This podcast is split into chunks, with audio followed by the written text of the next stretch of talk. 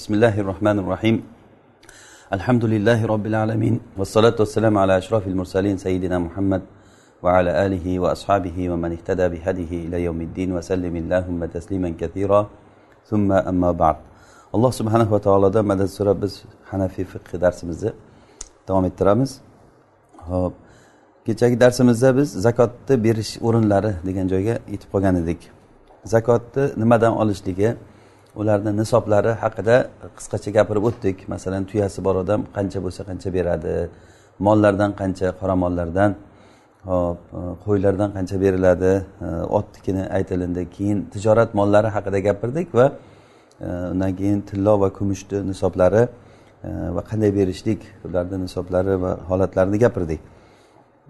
Bugungi darsimizda zakotni beriladigan o'rinlari haqida gapiramiz. Bundagi aslisi alloh subhanava taoloni e, aytgan so'zi sadaqatu lil fuqaro val masakin val amilina alayha val muallafati qulubuhum va fir riqobi val g'orimina va fi sabilillahi va ibnis sabil.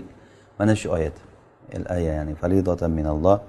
Tavba surasida alloh taolo aytadiki sadaqalar faqirlarga beriladi bu bir ikkinchisi miskinlarga uchinchisi zakot uchun ishlaydigan odamlarga va qalblarini islomga ulfat qilishlik uchun yo islomga kirish uchun yoki islomga kirgandan keyin e, islomda sobit turishlik uchun qiziqtirishlik uchun beriladigan o'rinlar ham bularga zakot pulidan bersa bo'ladi va qul ozod qilishlikda va qarzdor kishilarga va olloh yo'lida yurgan odamlarga va yana ibn sabil e, musofir kishi ya'ni o'zini yurtidan uzoqda qolib ketgan e, puli boru lekin puli yetishilmaydigan odamlar.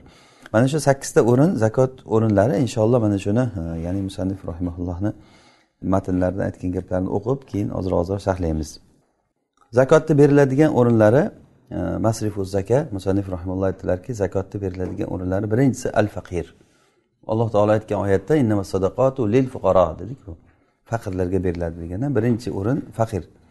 Ya'ni faqir kim deganda uni faqirni tarifida aytyaptilarki e, ay man lahu mallahu maduna nisob uni nisobdan kam bo'lgan nisobga yetmaydigan moli bor. Ya'ni faqir degani demak zakot berishlikka qodir bo'lmagan kishi. Zakot berishlikka qodir odam masalan tilloda bo'lsa sakson besh gramm oltini bor bo'lgan odam. Yoki kumushdan ikki yuz dirham e, bu olti yuz grammga to'g'ri keladi. Ya'ni kumushni nimasi og'irligi besh yuzi qanchayam ya'ni olti yuz gramm atrofida bo'ladi. O'shancha miqdorida pul bo'lsa e, ya'ni mablag'i bor bo'lgan odam boy hisoblanadi. Unga yetmagan odam faqir bo'ladi. Demak e, birinchi o'rin beriladigan o'rin faqir. Undan keyin miskin. Ya'ni miskinni ta'rifida aytyaptilarki val miskin ay man la shay alahu uni hech narsasi yo'q bo'lgan odam. Uni hech bir narsasi yo'q bo'lgan odam. Fuqarolarda ixtiloflari bor. Miskinni holati og'irmi yoki faqirni holati og'irmi? Imom shofiy rahimalloh aytganlar miskinni holati faqirnikidan yaxshiroq bo'ladi. Chunki alloh taolo qur'onda aytganki ya'ni bu kiyma miskinlarniki. E, miskinlar demak bu miskinlarni kiymasi bo'lgan. Hizr alayhissalom bilan muso alayhissalomni o'rtasidagi bo'lgan voqeada keladiku kiymani teshadilar hizr alayhissalom borib. Keyin hizr alayhissalom nima uchun teshganligini aytib bergan paytlarida aytadilarki bu kiyma asli o'zi e, miskinlarniki bo'lgan. Miskinlarni kiymasi bo'lsa demak ular ancha holati yaxshi bo'ladi deyiladi. Lekin u miskinlarniki degani ularni shaxsiy o'zlariniki yo birovdan olib ishlatyaptimi buyog'i bor qur'ondagi oyatga qarasak agar boshqa oyatlarda fa itamu sittina miskina masalan kaforatda berishda itamu asharat masakin deb kelgan masalan kaforatlarda masalan qasam ichgan odam yoki kaforatlarni berayotgan odam u miskinni to'ydiradi deb kelgan faqirni demagan demakki bu miskin muhtoj bu taomga muhtoj bo'lgan odam degani. Miskinni holati faqirnikidan ko'ra qiyinroq holatda bo'ladi e, degani chiqadi. Allohu alam shundan o'zi fuqarolar o'rtasida xilof borki miskinni holati qiyinroqmi faqirniki qiyinroqmi degani. Mana shu oyat bilan qaralinsa mana oyatda kaforatlarda kimga beriladi deganda taomlantirishda miskinni taomlantiradi deb kelgan faqirni taomlantiradi deb kelmagan. Demak miskinni holati og'ir bo'ladi. Mana shu yerdan abu hanifa rahimaullohni gaplarini E, rojih ekanligi tushuniladi allohu alam. Ya'ni e, oyatda aytilganda qarang o'sha miskinni taomladi. Demak u miskin taomga muhtoj bo'lgan odam bo'ladi. Faqir bo'lsa u e, zakot berishlikka qodir bo'lmagan odam faqir. Ya'ni uni puli bo'lishi mumkin lekin bir ehtiyoji bor o'rinlari bor. Faqir degani ehtiyojmand odam degani. Ya'ni o'zini puli puli ham bo'ladi o'ziga yetarli narsasi bo'ladida keyin yana bir ehtiyoji bo'ladi. Ana u odam faqir deyiladi. Qisqasi miskin bo'lsin faqir bo'lsin ikkalasi ham zakotga o'rin ya'ni zakot bersa bo'ladigan joy. Va amilu sadaqa uchinchisi sadaqada ishlaydigan odam.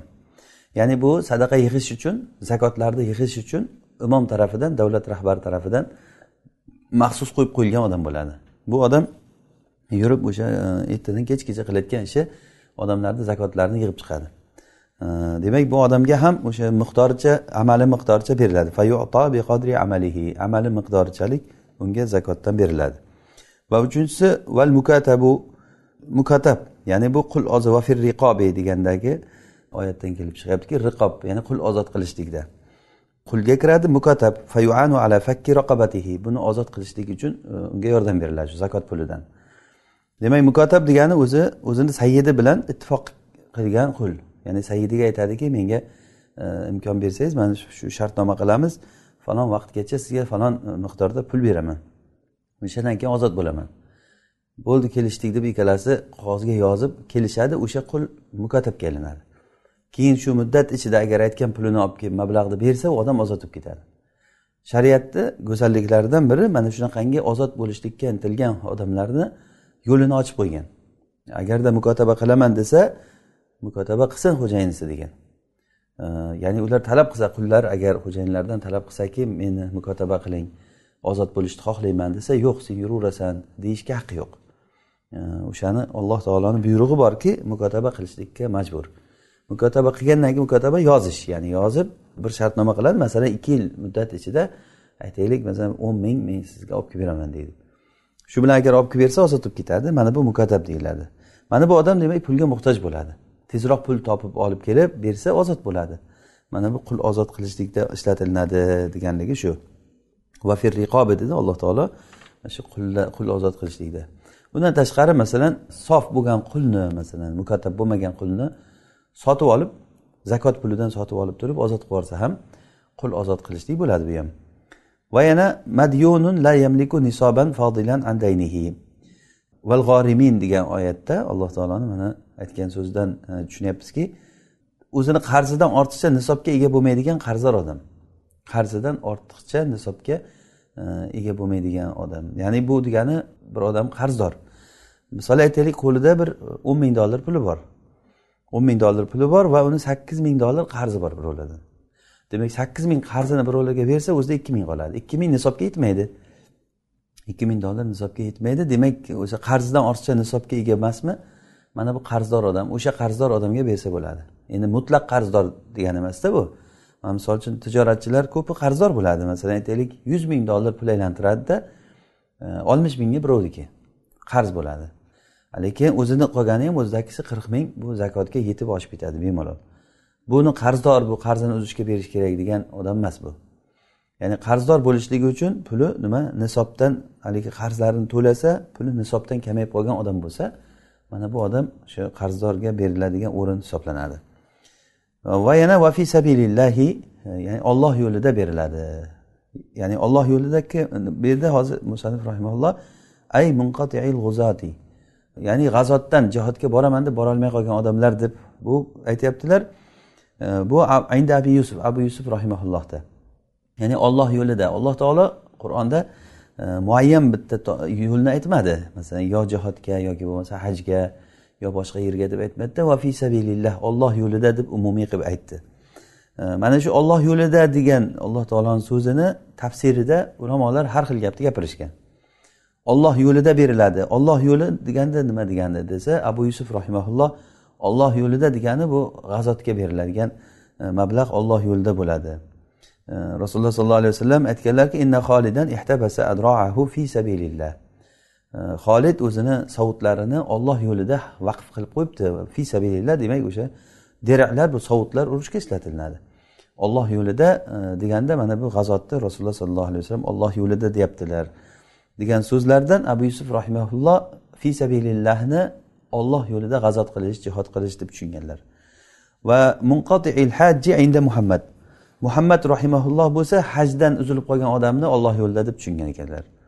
Ya'ni olloh yo'lida beriladi desa kim u olloh yo'lidagi odam desa haj umraga borolmay turgan odamlar. O'shalarga zakot pulidan berib hajga yuborsa zakot pulidan berib umraga yuborsa olloh yo'lida bergan bo'ladi. Rasululloh sollallohu alayhi vasallam aytgan gaplari borki atiha faltahujja alayhi fa innahu fi sabilillahi fa al bakra ya'ni unga tuyani bergin uni tuyaga minib e, haj qilsin. E, chunki haj ollohni yo'lida degani fa innahu fi sabilillah. Demak hozir rasululloh hajni olloh yo'lida deyaptilar. Shunga tuyani berdim deb. E, mana shu yerda hozir hajni fi sabilillah deyaptilar. Demak bu hajni hozir imom muhammadni gaplarida fi sabilillah degan lekin allohu alam oyatni zohiriga qaraganda oyatda fi sabilillahi umum kelyapti.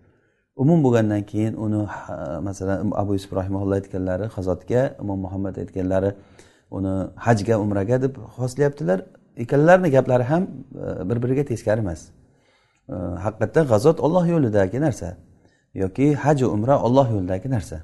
Va bundan boshqa ham olloh yo'lida nima bo'lsa olloh yo'lida sarflanilsa ya'ni olloh yo'lida degani ollohni dinini yo'lida alloh taoloni dinini rivojlantirishlik uchun diniga quvvat bo'lishlik uchun berilinsa bu ham e, zakotni o'rni bo'ladi.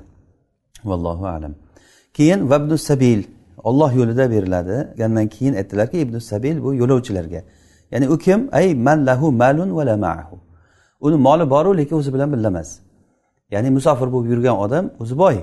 Shaharda boshqa yerda puli bor lekin puliga hozir yetolmaydi. Bu odam xuddi puli yo'q odam hukmida bo'ladi.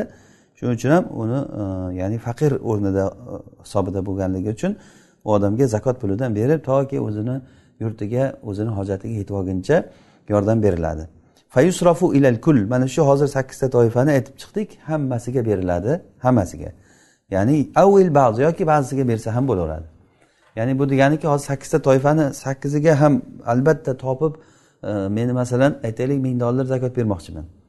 O'sha zakotni sakkizta toifaga hammasiga e, sakkizga bo'lib bir yuz yigirma beshdan qilib sakkizovga bo'lib berish kerak degani emas bu. Ya'ni xohlasa bitta toifaga bersa ham bo'laveradi. Masalan qo'lidagi zakotni bitta toifaga masalan bir miskinni topib miskinga faqirni topib faqirga yoki fi sabilillah alloh yo'lida yoki bo'lmasa qarzdor kishiga yoki qul ozod qilishlikka va hokazo va hokazo e, mana shunday bersa bo'laveradi. Shuni hozir aytyaptilar. Bu gaplari bilan imom shofiy rahimaullohni aytgan gaplariga raddiya bor. U kishi aytganlarki hozir alloh taolo zakotni o'rinlaridan sakkiztasini zikr qildi. Shu sakkizta o'ringa berish kerak. Kim qancha zakot bermoqchi bo'lsa masalan aytaylik bir odam yuz dollar zakot bermoqchi bo'lsa shu yuz dollarni sakkizta joyga bo'lib berish kerak hammasiga. Bo'lib ham ularni har toifadan uchta uchtasiga berish kerak. Ya'ni lil fuqaro. Alloh taolo faqirlar dedimi faqirlar deganda jam qilib aytyapti. Eng kami uchta odam. Uchta faqir uchta miskin uchta qarzdor uchta qul ozod qilishlikka uchta yo'lovchiga uchta zakot tarqatuvchiga va hokazo qarang mana shunday qilib hammasidan sakkizta toifani har bir toifasini uchta uchtasiga qancha bo'lsa ham zakotni tarqatib berish kerak deganlar. Lekin abu hanifa rahimalloh aytganlarki yo'q unaqa shart emas. Alloh taolo sakkizta toifani aytganligi shu sakkiztasidan qaysiga bersang bersang bo'laveradi degani. Lil fuqaro lil fuqaro degandagi lom bu tamlik uchun ya'ni o'shalarga milk qilib ularni milk ularga qo'liga ushlatib qo'yishlik tushuniladi. E, ya'ni berish mumkin bo'lgan joylarda alloh taolo aytyapti. Berish mumkin bo'lgan joyda aytsa buni kimga ber aytsa bunga ber yo bunga ber yo bunga ber desa xohlaganingga bersang o'sha bergan o'ringa bergan bo'lasan. Ya'ni joiz bo'lgan joyga bergan bo'lasan vazifangni e, bajargan bo'lasan deyilgani bo'ladi. Ya'ni o'sha kim shuning uchun aytyaptilarki yo hamma toifaga bersang bo'laveradi xohlasin ba'zisiga E, toifalarga bersa ham bo'laveradi. Ya'ni bir miskinga bersa zakotini bo'ldi. Yo sen yo'lovchiga bermading yo sen faqirga bermading demaydi hech kim. Tamlikan ya'ni o'sha berganda tamlik qilib berish kerak. Tamlik qilib berish kerak. Ya'ni lil fuqaroi deyildimi? Ya'ni faqirlarga miskinlar uchun degani lil degani o'shalarga beriladi degani tamlik qilib. Va alloh taolo va atu zakata zakotni beringlar. Atu degani beringlar. Demak berish qachon ko'rinadi? Uni qo'liga ushlatib qo'yilinsa beriladi. Bo'lmasa bergan bo'lmaydi. Ya'ni u olmasa odam bergan bo'lmaydi. E, men berdim u olmadi. Zakotni berdim hech kim olmadi. Masalan bir joyda qolib ketdi. U bergan hisoblanmaydi uni. Uni berishim uchun men berishim kerak u olishi kerak. O'shanda ata degan fe'lni ya'ni o'sha ish harakatni yuzaga chiqqanligi ko'riniladi. Tamlikan degani shu ya'ni milk qilib berish kerak.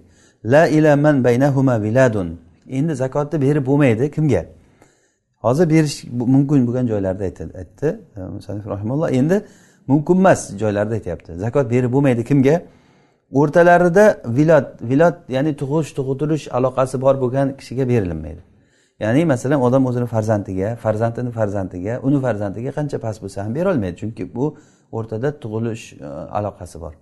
Yoki o'zini yuqorisiga ham berolmaydi. Masalan otasiga bobosiga bobosini bobosiga qancha yuqori bo'lsa ham unga ham berolmaydi.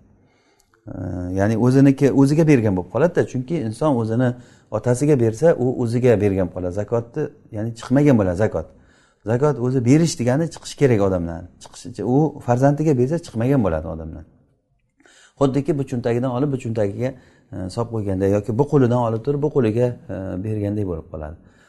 Va yana odam o'zini farzandlariga o'zi sarflash kerak bo'lgan joyi u yoki otasi agar muhtoj bo'lsa otasiga zakotdan emas o'zi shundoq nima berish kerak bo'lgan joyi u.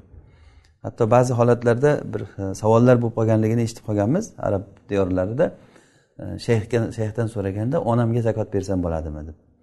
Bir kishi so'rayapti onamga zakot bersam bo'ladimi? Demak onasi faqir o'zi zakot beradigan holatda e, bu juda ham bir savol xunuk savol va u juda bir uyatli holatda ekanligimizni bildiradi.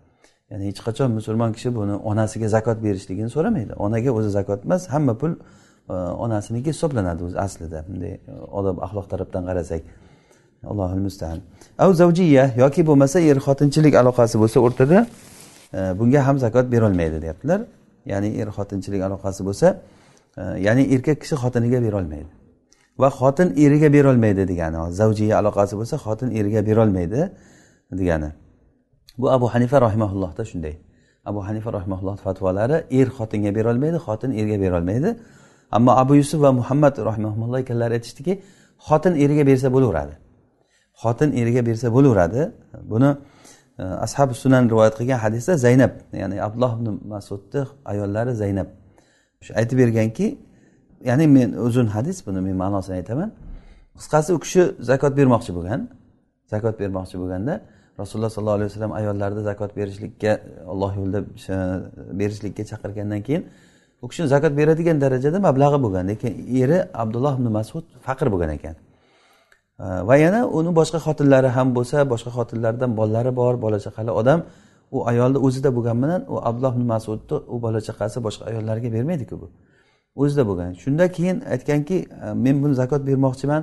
Agar xohlasangiz mumkin bo'lsa bir rasulullohdan so'rang shuni sizga beray begonaga bergandan ko'ra deb eriga ya'ni abdulloh masudga aytgan. Shunda abdulloh masud hijolat bo'lib aytdilarki e, men buni rasulullohdan so'ray olmayman borib o'zing so'ragin. O'zing so'ra. Keyin o'zi borgan. Borsam rasulullohni eshigini oldida bir ayol turgan ekan uni ham hojati shu ekan. U ham xuddi men o'ylagan maqsad bilan kelgan ekan. Keyin biz rasululloh sollallohu alayhi vasallam o'zi haybatli kishi edi. Odam gapirishga odam hijolat bo'ladigan bir haybatlari bor edi. Bo'lib ham ayollar rasulullohga to'g'ridan to'g'ri gapirishga haybat haybatli odam edilar rasululloh. Shunda bilol roziyallohu anhuni uchratib qoldik. Rasulullohni eshigida keyin aytdiki rasulullohdan e, so'rab bergin shu kelibdi ekan ayollar kelibdi shuni so'rab. E, ayollar kelibdi ekan kim ekan u dedilar. Kimligimizni aytma degan keyin hijolat bo'lganligidan keyin e, ayollar kelibdi ekan deb kim ayollar degandan zaynab bor ekan. Qaysi zaynab dedilar. Keyin abdulloh masudni ayoli deb so'raganlaridan keyin aytib qo'ygan.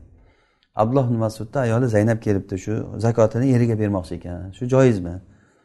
Shunda rasululloh sollallohu alayhi vasallam aytdilarki e, lahuma ajron ajrul qaroba va ajrul sadaqa.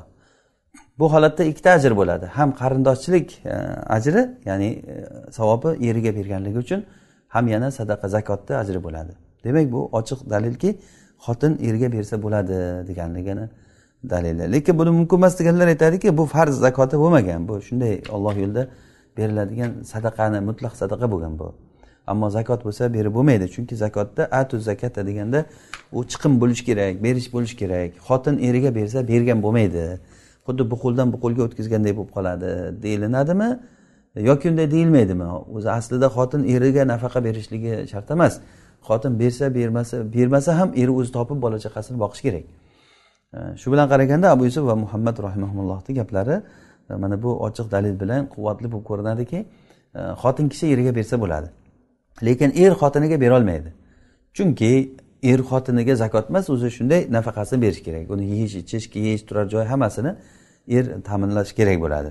Shuning uchun zakot bersa o'ziga o'zi bergan bo'lib qoladi. Xuddi haligi aytganimizdek bu qo'lidan bu qo'liga olgan bo'ladi. Bu cho'ntagidan bu cho'ntagiga olgan bo'ladi. Bu zakot berdi degan narsa bo'lmay qoladi. Va yana berib bo'lmaydigan joyi vala ila mamlukihi quliga berolmaydi. Ya'ni o'zini quliga berolmaydi. Bu quli ya'ni sof qul bo'lsin yoki mudabbar qul bo'lsin. Mudabbar degan qul degani odam aytadiki quliga agar sen men o'lsam ozodsan deb qo'yadi. Bu mudabbar bo'lib qoladi qul. Men o'lsam sen ozodsan deydi. Ya'ni bu odam o'lishi bilan ozod bo'lib ketadi. Endi o'lguncha buni o'limini kutib yuraveradi bu odam. O'lguncha bu odamga endi ozod bo'lib ketishligi uchun zakotini shunga bersa masalan boshqa zakotini berolmaydi. Qisqasi bu qul hisoblanadi. Va ummu valati ham xuddi shunday buni aytgan edik kimligini. Va yana berib bo'lmaydi vala ila abdin ataqa ba'dahu va o'zini quliga berolmaydi qulga uni ba'zisini ozod qilgan. Ya'ni bu qulni ba'zi joyini ozod qilsa unga berolmaydi. Bu abu hanifa rahimaullohda abu hanifa rahimaulloh aytganlarki agarda bir kishi o'zini qulini yarmini ozod qilsa yarmini ozod qilsa qolgan yarmi ham ozod bo'lib ketadi deganlar. Lekin qolgan yarmida u qulga aytiladiki bor sen ishlab o'zingni o'sha yarmingni qiymatini xo'jayinga olib kelib bergin masalan aytaylik u qul ikki ming dirham.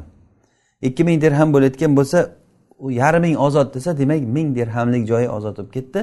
Qolgan ming dirhamiga u ozod bo'lgandan keyin chiqib ishlab ming dirham pul topib olib kelib beradi sayidga ya'ni bunda ham o'ziga o'zi bergan bo'lib qoladi. Agar o'shanga zakot bersa ya'ni o'ziga o'zi bu odam bu cho'ntagidan bu cho'ntagiga tiqish ma'nosi bo'lib qoladi. O'sha uchun ham o'zini quliga berolmaydi. Vala ila g'aniyin va yana zakot berolmaydi boy kishiga berolmaydi. Boy odamga.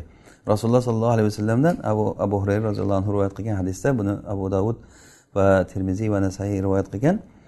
Hadisda aytadilarki inna sadaqata la tahillu li g'aniyin vala lizi mirratin saviy sadaqa boy odamga halol bo'lmaydi va sog'lom kuchlik quvvatli odamga halol bo'lmaydi deganlar.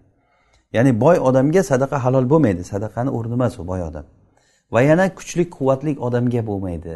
Agarda demak e, kuchlik kuchli quvvatli odam desak biz yuqorida aytgan faqir va miskinlar hammasi kasal va quvvatsiz odamlar bo'lishi kerak ekan degan tushunilmaydi. Masalan faqir odam o'zi kuchlik va quvvatli sog'lom. Sog'lom bo'lsa unga sadaqa berib bo'lmaymi deganda bunda tushuniladiki ya'ni sog'lom bo'lgan quvvatli odamga sadaqani so'rash harom. So'rash harom bo'ladi. Odam agar sog'lom bo'lsa va quvvatli bo'lsa sadaqa so'rashligi harom bo'ladi. Ammo agarda unga so'ramasdan turib berilinsa e, ya'ni buni olsa bu joiz bo'ladi. E, bunda rasululloh sollallohu alayhi vasallamdan e, ko'p xabarlar kelgan. Masalan umar roziyallohu anhuga aytgan gaplari bor. Umar roziyallohu anhu aytadilarki nabiy sollallohu alayhi vasallam menga bir ato berardilar. Ya'ni bir sovg'a berardilar. Men aytardimki uni mendan ko'ra faqirroq odamga bering ey rasululloh. Desam rasululloh sollallohu alayhi vasallam buni olginda o'zingga mol qilib ishlatgin va xohlasang sadaqa qilgin.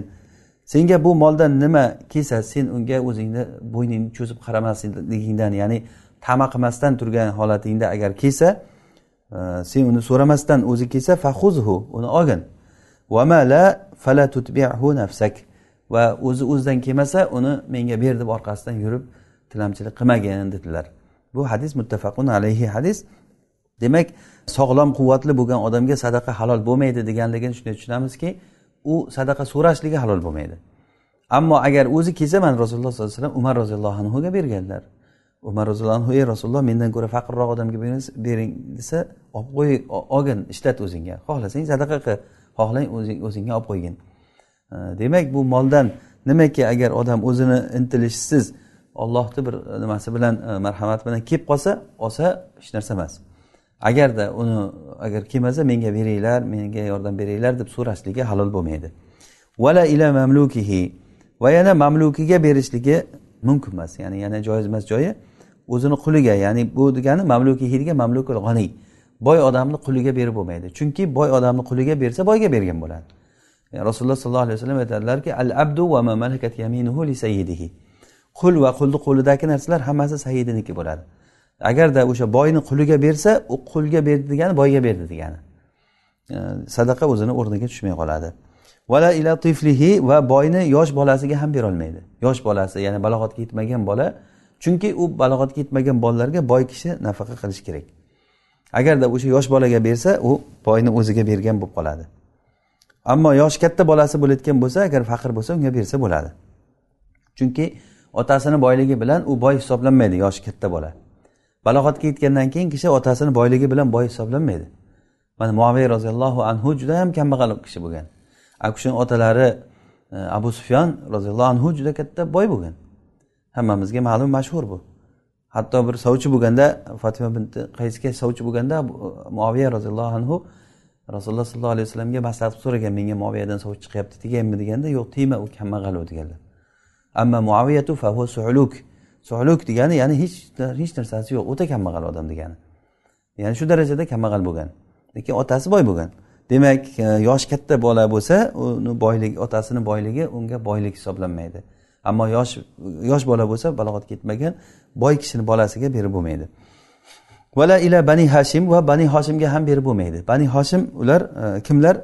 Ular rasulullohni bobolari abdul muttalibni o'g'li e, ikkita o'g'li abbos va horis o'shani farzandlari.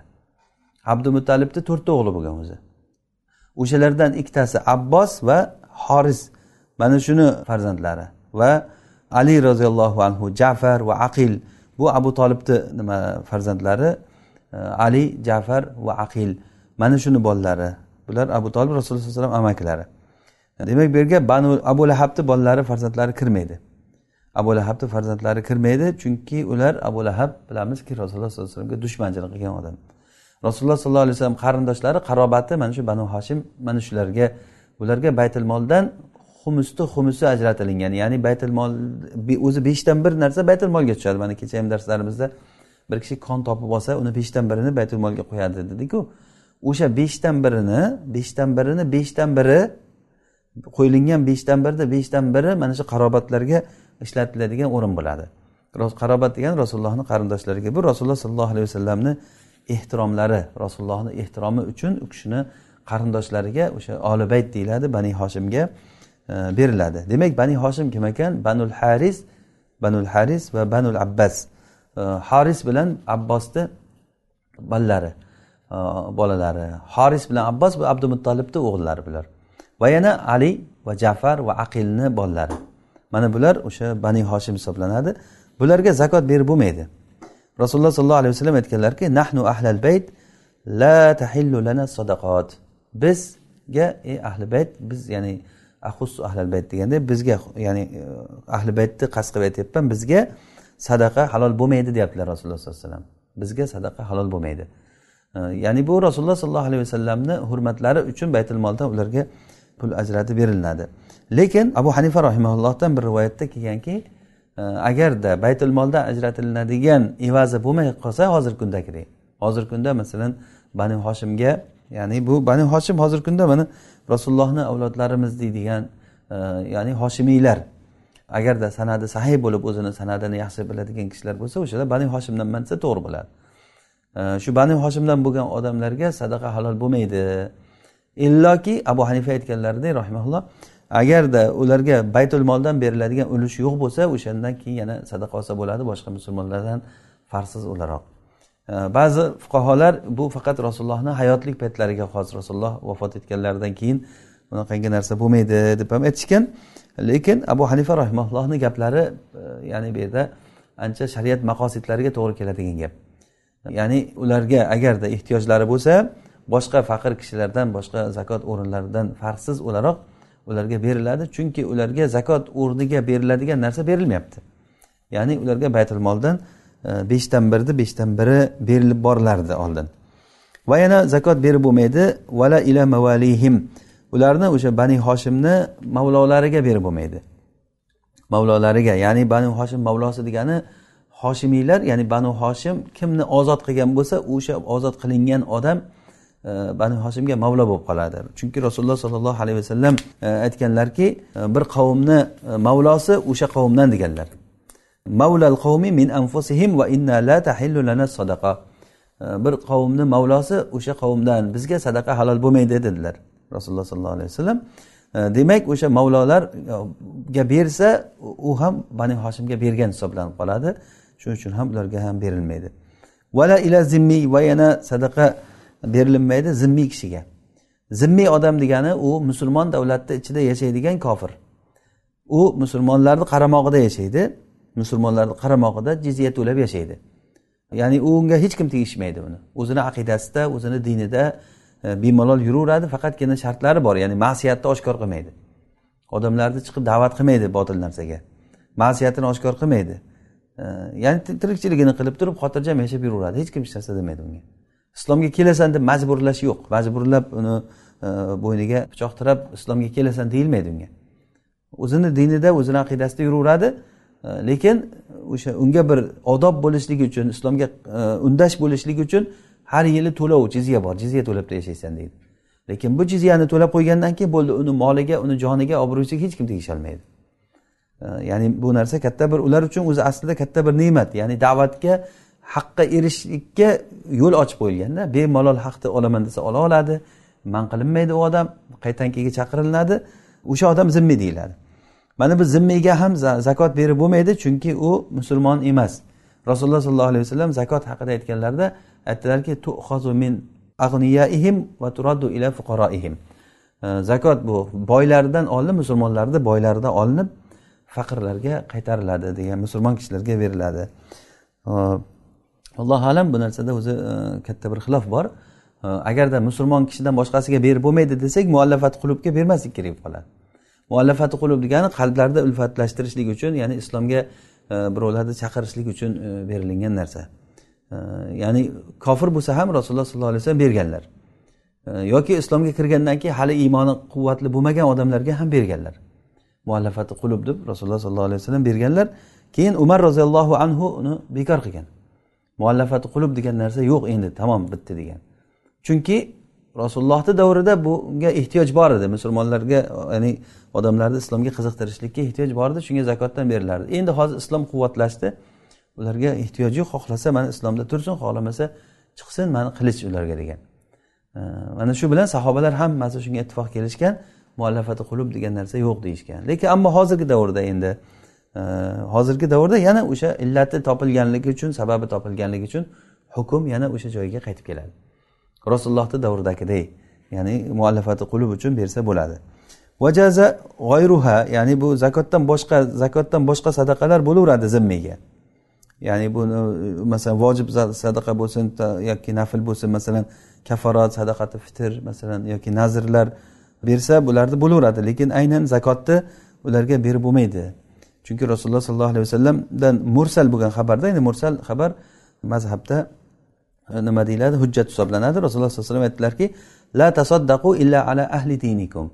Faqat o'zlaringni dinlaringda bo'lgan kishilargagina e, sadaqa qilinglar degan. E, demak mana shu xabarlardan kelib chiqadiki zimmiy odamga nima berib bo'lmaydi zakot berib bo'lmaydi. Va indafaa agarda zakotni bersa kimga? Ila man zonnahu masrifan. Uni sarflaydigan o'rin deb o'ylab bir joyga bersa keyin uni o'zini quli ekanligi ma'lum bo'lib qolsa ya'ni kechqurun bir kishiga faqir deb o'ylab muhtojmisan dedi. Ha muhtojman degandi ma senga zakot deb berdi oldi. Keyin ertalab qarasa o'zini quli ekan o'sha odam. Agar shu o'zini quli ekanligi zohir bo'lib qolsa yuiduha zakotni yana qaytadan beradi. Bu hali yuqorida aytganimizdek zakotni birovga bergan bo'lmay qolyapti. Bu cho'ntagidan olib bu cho'ntagiga e, solib qo'ygan bo'lyapti. Va uxar agar boshqa monelar chiqib qolsa boshqa monelar nima? Masalan u hoshimiy bani hoshimdan ekanligi bilinib qolsa yoki bo'lmasa farzandi bo'lib chiqib qolsa bergan zakotni beruvdi keyin qarasa farzand ekan. O'shanday moni bo'lib qolsa yoki beruvdi xotini ekan qarasa. O'shanday bo'lib qolsa o'shanda la unda qaytadan bermaydi. Bo'ldi bergan joyi hisobga o'tadi degani. Innamal amalu bin niyat. Ya'ni amallar niyatlarga qarab bo'ladi. Abu yusuf rahimaulloh yana qaytadan beradi chunki bu mumkinmas joyga berib qo'ygan bo'ladi degan. Abu hanifa va imom muhammad aytdilarki bersa bo'ladi o'shani. Ya'ni berib bo'lgandan keyin bo'ldi hisobga o'tib ketadi. Bu buxoriyda rivoyat qilgan hadisda man ibn yazidni hadisidan aytadilarki man ya'ni man aytadilarki men rasululloh sollallohu alayhi vasallamga bayat qildim va otam va bobom bayat qildik va menga sovchi bo'lib men uchun sovchi bo'lib meni e, uylantirib qo'ydilar. Va xosamtu ilayhi rasulullohga ya'ni bir masalada talash qilib kelganman. Otam yazid dinorlarini zakotlarini chiqarib turib qo'yganda e, masjidda bir odamni oldiga qo'yib qo'ygan shu meni zakotim deb qo'yganda men kelib shuni oldim degan. Shunda aytdiki men senga bermovdim o'g'limsan chunki deganda men aytdim men sizdan olganim yo'q dedim. Masjidda zakot deb qo'yib qo'ygan pulini otasi qo'ygan narsani kelib turib o'sha otasi yazid qo'ygan narsani o'g'li man kelib turib uni olib qo'yyapti zakotni keyin otasi meniki edi bu. Sen olmagin senga bo'lmaydi bu. Desa men sizdan olganim yo'q degan.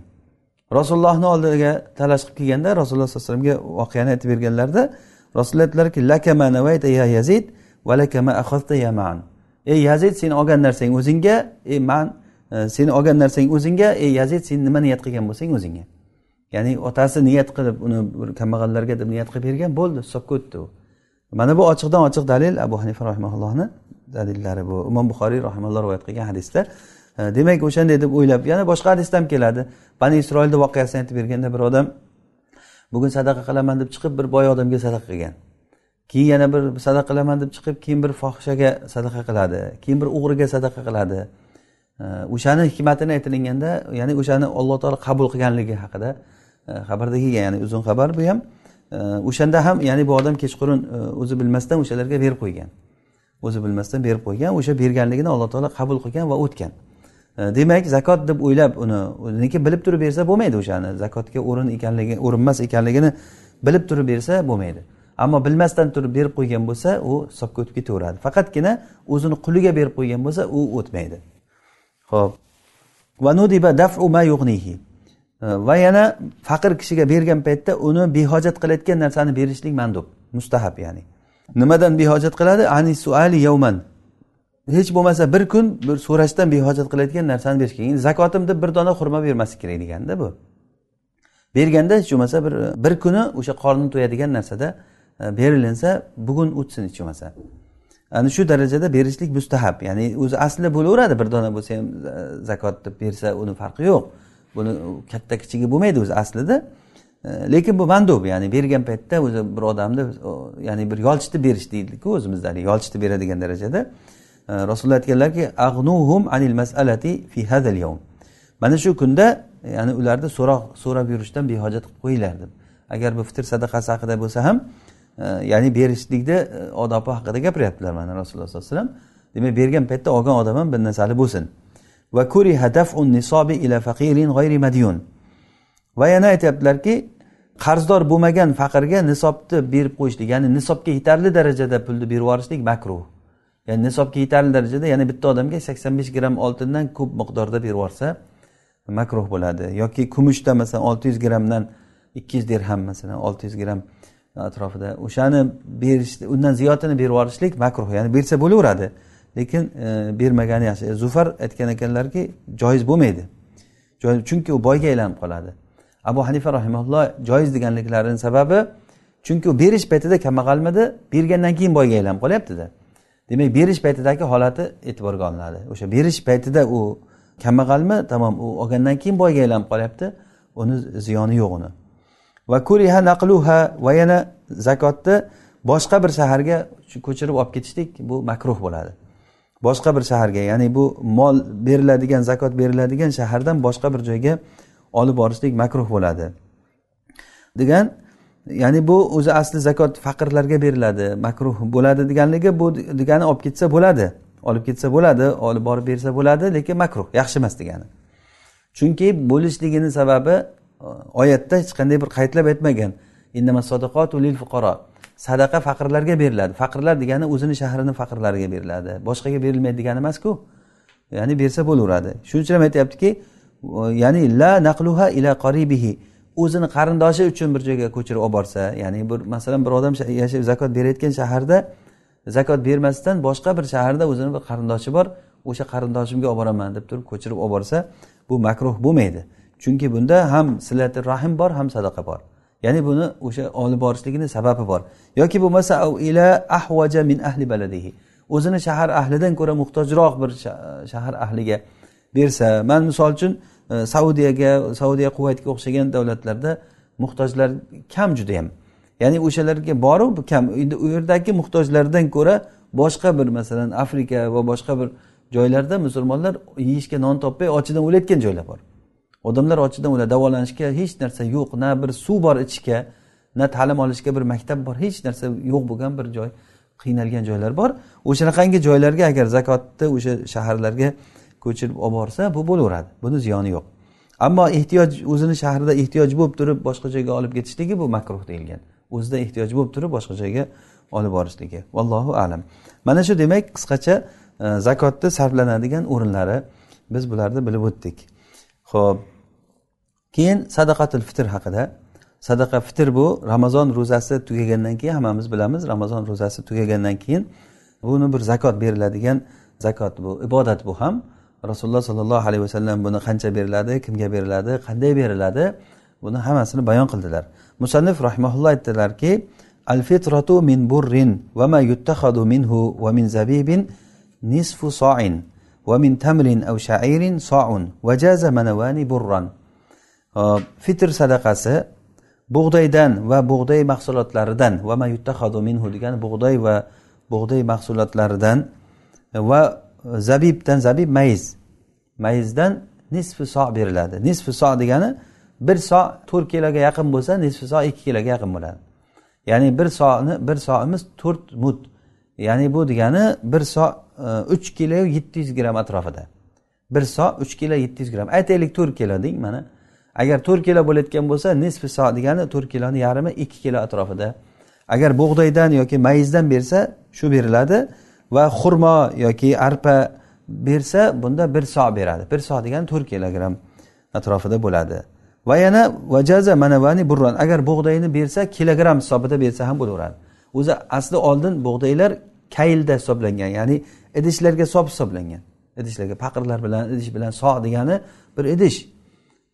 Bir idish. Ya'ni bu nima mud degani ham bir idish bu. Bir olti yuz gramm ketadigan bir idish. So deganligi ham bir idish. Unga ichiga bir to'rt kiloga yaqin narsa to'rt litr suv ketadi. To'rt litrga yaqin uch litr yetti yuz gramm masalan suv ketadi. Ana shu bir so bo'lgan. O'sha o'sha bir so suvga rasululloh sallallohu alayhi vasallam g'usul qilganlar. Mana g'usul bobida tahorat bobida aytgan edik. Bir mud suvga rasululloh sallallohu alayhi vasallam tahorat qilganlar. Bir mud olti yuz gramm bo'ladi. Ya'ni bir butilka suvda o'shandan sal ko'proq. Olti yuz gramm atrofida. O'shanga tahorat qilganlar va bir so suvga g'usul qilganlar. Sollallohu alayhi vasallam demak xurmodan yoki arpadan bo'lsa bir so beriladi. Va jaza manavani burron bug'doyda ikki kilo keladiganda tosh bilan taroziga qo'yib o'lchash. O'shanaqangi ikki kilo bug'doy bersa ham bo'laveradi deyilyapti ikki man bersa. Bu yerda fitr bug'doydan beriladi e, va va bug'doy mahsulotlaridan beriladi e, deb yarim so beriladi dedik. Buni abu yusuf aytganlar va muhammad bir so beriladi deb aytganlar. Ya'ni bu bug'doy bo'lsa ham bir so beriladi. Chunki rasululloh sollallohu alayhi vasallamdan naql qilingan rivoyatlarni har birida bir so deb kelgan. Har birida bir so deb kelgan. Ya'ni rasulullohdan rivoyat qilgan hadisda bug'doy kelmagan o'zi aslan? Chunki rasulullohni shaharlarida madinada bug'doy yeyilmasdi. Keyin kelgan bug'doylar. Unda o'sha taomlari arpa bo'lgan. Yeydigan narsalari arpa arpa un yegan. Bug'doylar keyin kelgan. O'shanda arpada kelganda bir so beriladi deb aytganlar. Va abu hanifa rahimaullohdan ham bir rivoyatda shu rivoyat qilingan va fatvo shunga. Ya'ni fatvo nimaga? Fatvo bir so beriladi deganiga. Demak shu esimizda qolsin bug'doy beradimi arpa beradimi xurmo beradimi mayiz beradimi pishloqdan beradimi nima bersa ham bir so beradi.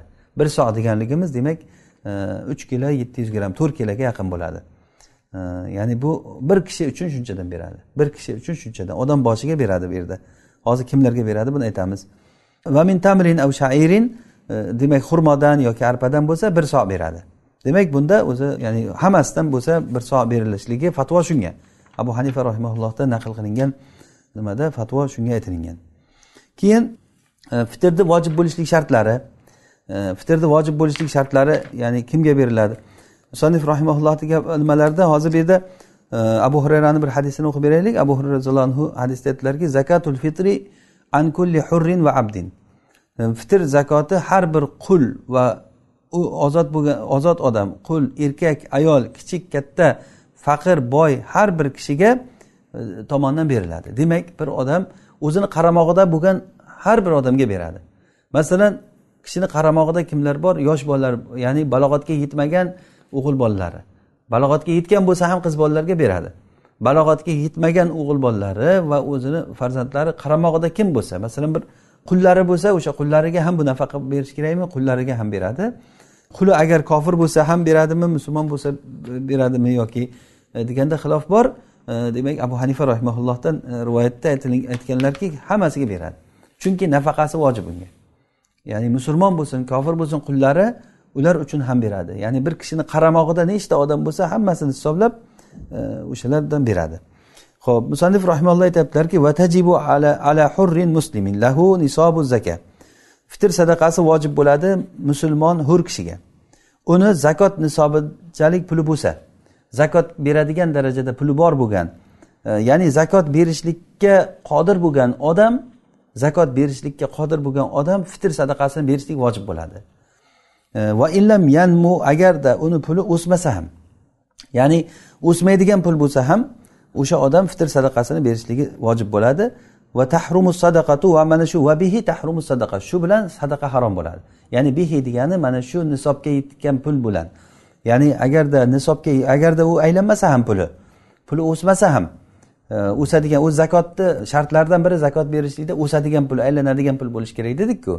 Aylanadigan pul bo'lishligi uchun tijorat mollari agarda aylanadigan bo'lishligi uchun degani biz bu tijoratni niyat qilishlik bilan tijorat niyatini qilishlik bilan aylanadiganga aylanadi. Tilla kumushlar u shundoq ham o'zi o'suvchi narsa hisoblanadi. Ammo tijorat mollari bu ya'ni bularni e, tijorat niyatini qilishlik bilan aylanishlikka o'suvchiga aylanadi. Ammo masalan bir odamda tijorat mollari bor uni sotishni niyat qilmagan. E, Sotish niyat qilmagan lekin o'zini qo'lida bor. Mana shu odam fitr sadaqasini berishligi vojib bo'ladi. Mana shunday odamga sadaqa olishlik harom bo'ladi. Va tajibul udhiyatu va bu odamga bunday odamga imkoniyati bor odamga qurbonlik qilish vojib bo'ladi va e, nafaqatul qaribi li nafsihi va o'zi uchun qarindoshiga nafaqa qilishlik va bu degani nafaqatul qarib bu yerda to'xtaymiz mana shu yerda. Va nafaqatul qarib qarindoshiga nafaqa qilishligi vojib bo'ladi. Ya'ni bu nima degani? Masalan bir odam o'sha zakot beradigan darajada mablag'i bor. Keyin uni bir qarindoshi bor u ishlolmaydi. Bir ya'ni o'zidan qolgan bir qarindoshi bor. O'zidan qolgan degani muhtoj ya'ni ishlayman desa ishlolmaydi. Ko'zi ko'zi ojiz yoki oyog'i cho'loq ishlolmaydigan odam.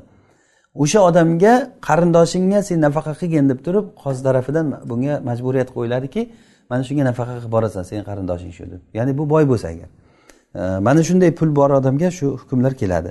Keyin bu nimani sadaqa fitr sadaqasini kimlar uchun beradi deganda aytyaptilarki li nafsihi o'zi uchun va tiflihi va o'zini yosh bolalari uchun beradi.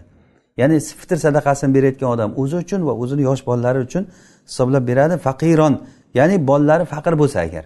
Agar bolalari boy bo'layotgan bo'lsa masalan bu qanday o'zi e, bolalar boy bo'lishi mumkin desangiz ular meros olgan bo'lishi mumkin bir yerdan. E, masalan u bolalarni onasi vafot etgan u onasiga u ota to'rtdan birini olgan meros sifatida qolgani bolalariga qolgan ular boy bo'lib qolgan. O'shanda demak u boy bo'layotgan bo'lsa bolani o'zini pulidan chiqaradi. Shuning uchun ham faqiron deyapti. Va xodimihi va xizmatchisiga beradi. Ya'ni xizmatchisi milkan u xizmatchi ijara bilan bo'lgan xizmatchi emas milk jihatidan ya'ni u quli bo'lgan xizmatchi qullariga beradi. Valau mudabbaron agar u mudabbar bo'lsin yoki u bo'lsin yoki kofir bo'lsa ham beradi. E, ya'ni bu degani o'sha o'zini qaramog'idagi bo'lgan e, o'zini qo'l ostidagi bo'lgan odamlar birinchidan xizmatchilari qul bo'lsa u qulligi mudabbar qul bo'ladimi? Uni aytdik mudabbar kimligini. E, va u bo'ladimi? U ya'ni sayididan homilador bo'lib tuqqan cho'ri ayol degani. Agar sayididan tug'sa u muvalatga aylanadi. Buni hukmi sayid o'lsa ozod bo'lib ketadi u ayol. Ungacha sayidni qo'l ostida cho'ri bo'lib yuraveradi. O'sha ayol muvalat deyiladi. Ho'p demak la lizavjatihi xotini uchun bermaydi. Ya'ni xotini uchun er kishi xotini uchun fitr sadaqasi berishligi vojib emas. Xotini uchun xotini o'zi beradi. Agar berishlikka imkoniyati bo'lmasa unga vojib emas. Agarda o'zini imkoniyati bo'lsa xotin o'ziga o'zi beradi. Va valadihil kabir yoshi katta bolasiga berolmaydi. Yoshi katta bolasiga bermaydi berish vojib emas. Yoshi katta bolasiga degan bolasi uchun. Ya'ni masalan bir odamni yigirma yashar bolasi bor. O'zi bilan birga yashaydi masalan. O'sha bolasini hisoblashligi shart emas buni. Ya'ni bola o'zi uchun o'zi e, javobgar o'zi to'lash kerak uni. Va yana va tiflihil g'oniy yosh o'zini yosh bolasi bor lekin u boy. Qanday boy bo'lishligi mumkin uni hozir aytganimizdek ya'ni bunda o'sha meros olib yo boshqa yo'l bilan bir boyib qolgan bo'lishi mumkin. O'shanday bo'lsa bolani o'zini pulidan beradi. Bal min malihi balki u bolani o'zini molidan to'laydi va mukatabihi va o'zini mukotabiga ham berolmaydi. Va abdihi tijora va tijorat uchun bo'lgan qullariga va abdillahu abaqa qochib ketgan qullariga ham bermaydi. Ya'ni qullari uchun ham bermaydi. Mukotabi uchun ham bermaydi chunki mukotab bo'lgandan keyin u o'zini hisobi alohida bo'lib E, chiqqan odam hisoblanadi bir tomondan. Va tijorat uchun bo'lgan quli uni ham tijorat qilib izn berilgandan keyin u qulni o'zini hisobi o'ziniki alohida bo'ladi. U o'ziga o'zi beradi. Uni xarajatlari bunga vojib bo'lmay qoladi bu odamga. Va abdillahu abaq va qochib ketgan qulga. Masalan bir odamni quli bor qochib ketdi. Fitr sadaqasini berish paytida o'sha qochib ketgan qulni ham bunga qo'shib hisoblab e, uni uchun ham fitr sadaqa chiqarilinmaydi. Illa ba'da avdihi. Qaytib kelgandan keyin beradi. Demak qaytib kelsa bunga o'sha hisoblab uni ham berish kerak ekanligi ma'lum bo'ladi. Va abdin mushtarakin va mushtarak qulga ham bermaydi ya'ni bu degani bitta qul ikki kishini o'rtasida mushtarak.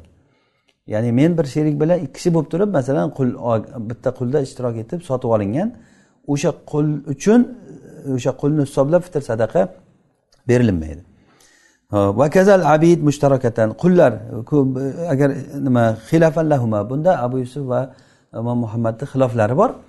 Ya'ni mushtarak qullar. Ya'ni bu nima degani? Masalan men bir kishi bilan sherik bo'lib bir beshta qul sotib oldikda o'sha beshta qulni ishlatyapmiz. Bunda sohibayn aytganki yo'q ularni masalan raqobasi uchun beraman. Masalan men ikkitasi uchun bersam sherigim uchtasi uchun berish kerak. Ya'ni men ikkitasi uchun u uchtasi uchun. Yoki men uchtasi uchun narigi yili unisi ikkitasi uchun bu yili. Ya'ni har qalay o'shalarni boshlarida har bir bosh uchun e, bersa bo'ladigan imkoniyat bo'lsa berish kerak deganlar.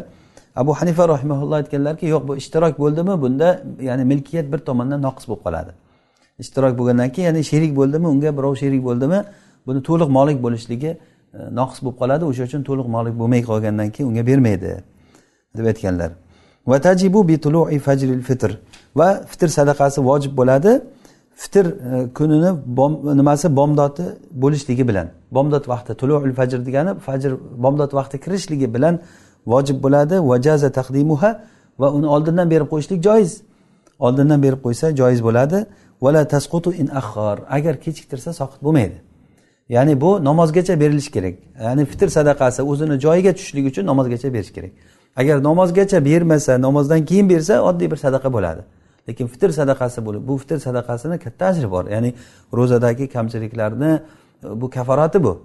Ro'zadagi kamchiliklarni kaforati bu o'sha narsani o'rniga tushmay qoladi. Lekin baribir u odamni bo'ynida zimmasida ya'ni qarz bo'lib turaveradi qachon bersa o'shanda qutuladi lekin aynan o'zini joyiga tushishlik uchun namoz o'qilingacha berishligi kerak bo'ladi. Ya'ni qachondan oldindan berib qo'ysa ham bo'laveradi masalan bir kun ikki kun oldindan masalan hayit kuni tiqilib haligi odam bomdod vaqti turib o'zi shoshilib namoz bomdod o'qib undan keyin e, hayit namozlarini o'qishlikka odam shoshilib qolishi mumkin. O'sha uchun bir kun ikki kun oldindan masalan beriladigan joylarga yetkazib e, berib qo'yilinsa o'sha aynan e, maqsadga muvofiq bo'ladi. Vallohu alam. Bunda hozir ba'zi bir sharhlari bordi menimcha allohu alam qisqacha mana shu e, biz uchun tushunarli bo'ldi. Shu bilan biz e, alloh taologa hamdlar bo'lsa mana zakot kitobini tugatgan bo'ldik. Keyingi darsimiz inshaalloh savum kitobi ro'za kitobidan boshlaymiz. E, bu ro'za ham ya'ni islom rukunlarini biri. Hozirgacha biz tahorat va namoz va zakotni e, bilib o'tdik. Alhamdulillah e, bu narsa alloh taoloni katta bir ne'mati. Qisqacha qisqacha qilib bo'lsa ham bir e, sodda holatda bo'lsa ham ba'zi bir kamchiliklarimiz bo'lsa ham ya'ni qo'limizdan kelgancha shu narsani sharhlab tushuntirib o'rganishlikda davom etamiz inshaalloh. Alloh subhanava taologa ya'ni biz qanday ibodat qilamiz? Biz modomiki ibodat uchun yaratilgan ekanmiz. Qanday ibodat qilamiz?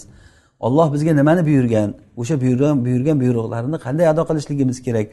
bu narsa har bir e, qalbida iymoni bor bo'lgan odamni qiziqtiradigan savollar bular alloh taolo foydali ilm bersin hammamizga allohga tushunib onglik ibodat qiladigan mo'minlardan qilsin alloh taolo e, ilmlarimizni yana ham ziyoda qilsin o'rgatgan ilmlariga amal qilishlikka alloh taolo tavfiq bersin هذا ما أعلم ربنا تعالى أعلى وأعلم سبحانك اللهم وبحمدك نشهد أن لا إله إلا أنت نستغفرك ونتوب إليك صلى اللهم وبارك على عبدك ونبيك محمد عليه الصلاة والسلام والسلام عليكم ورحمة الله وبركاته.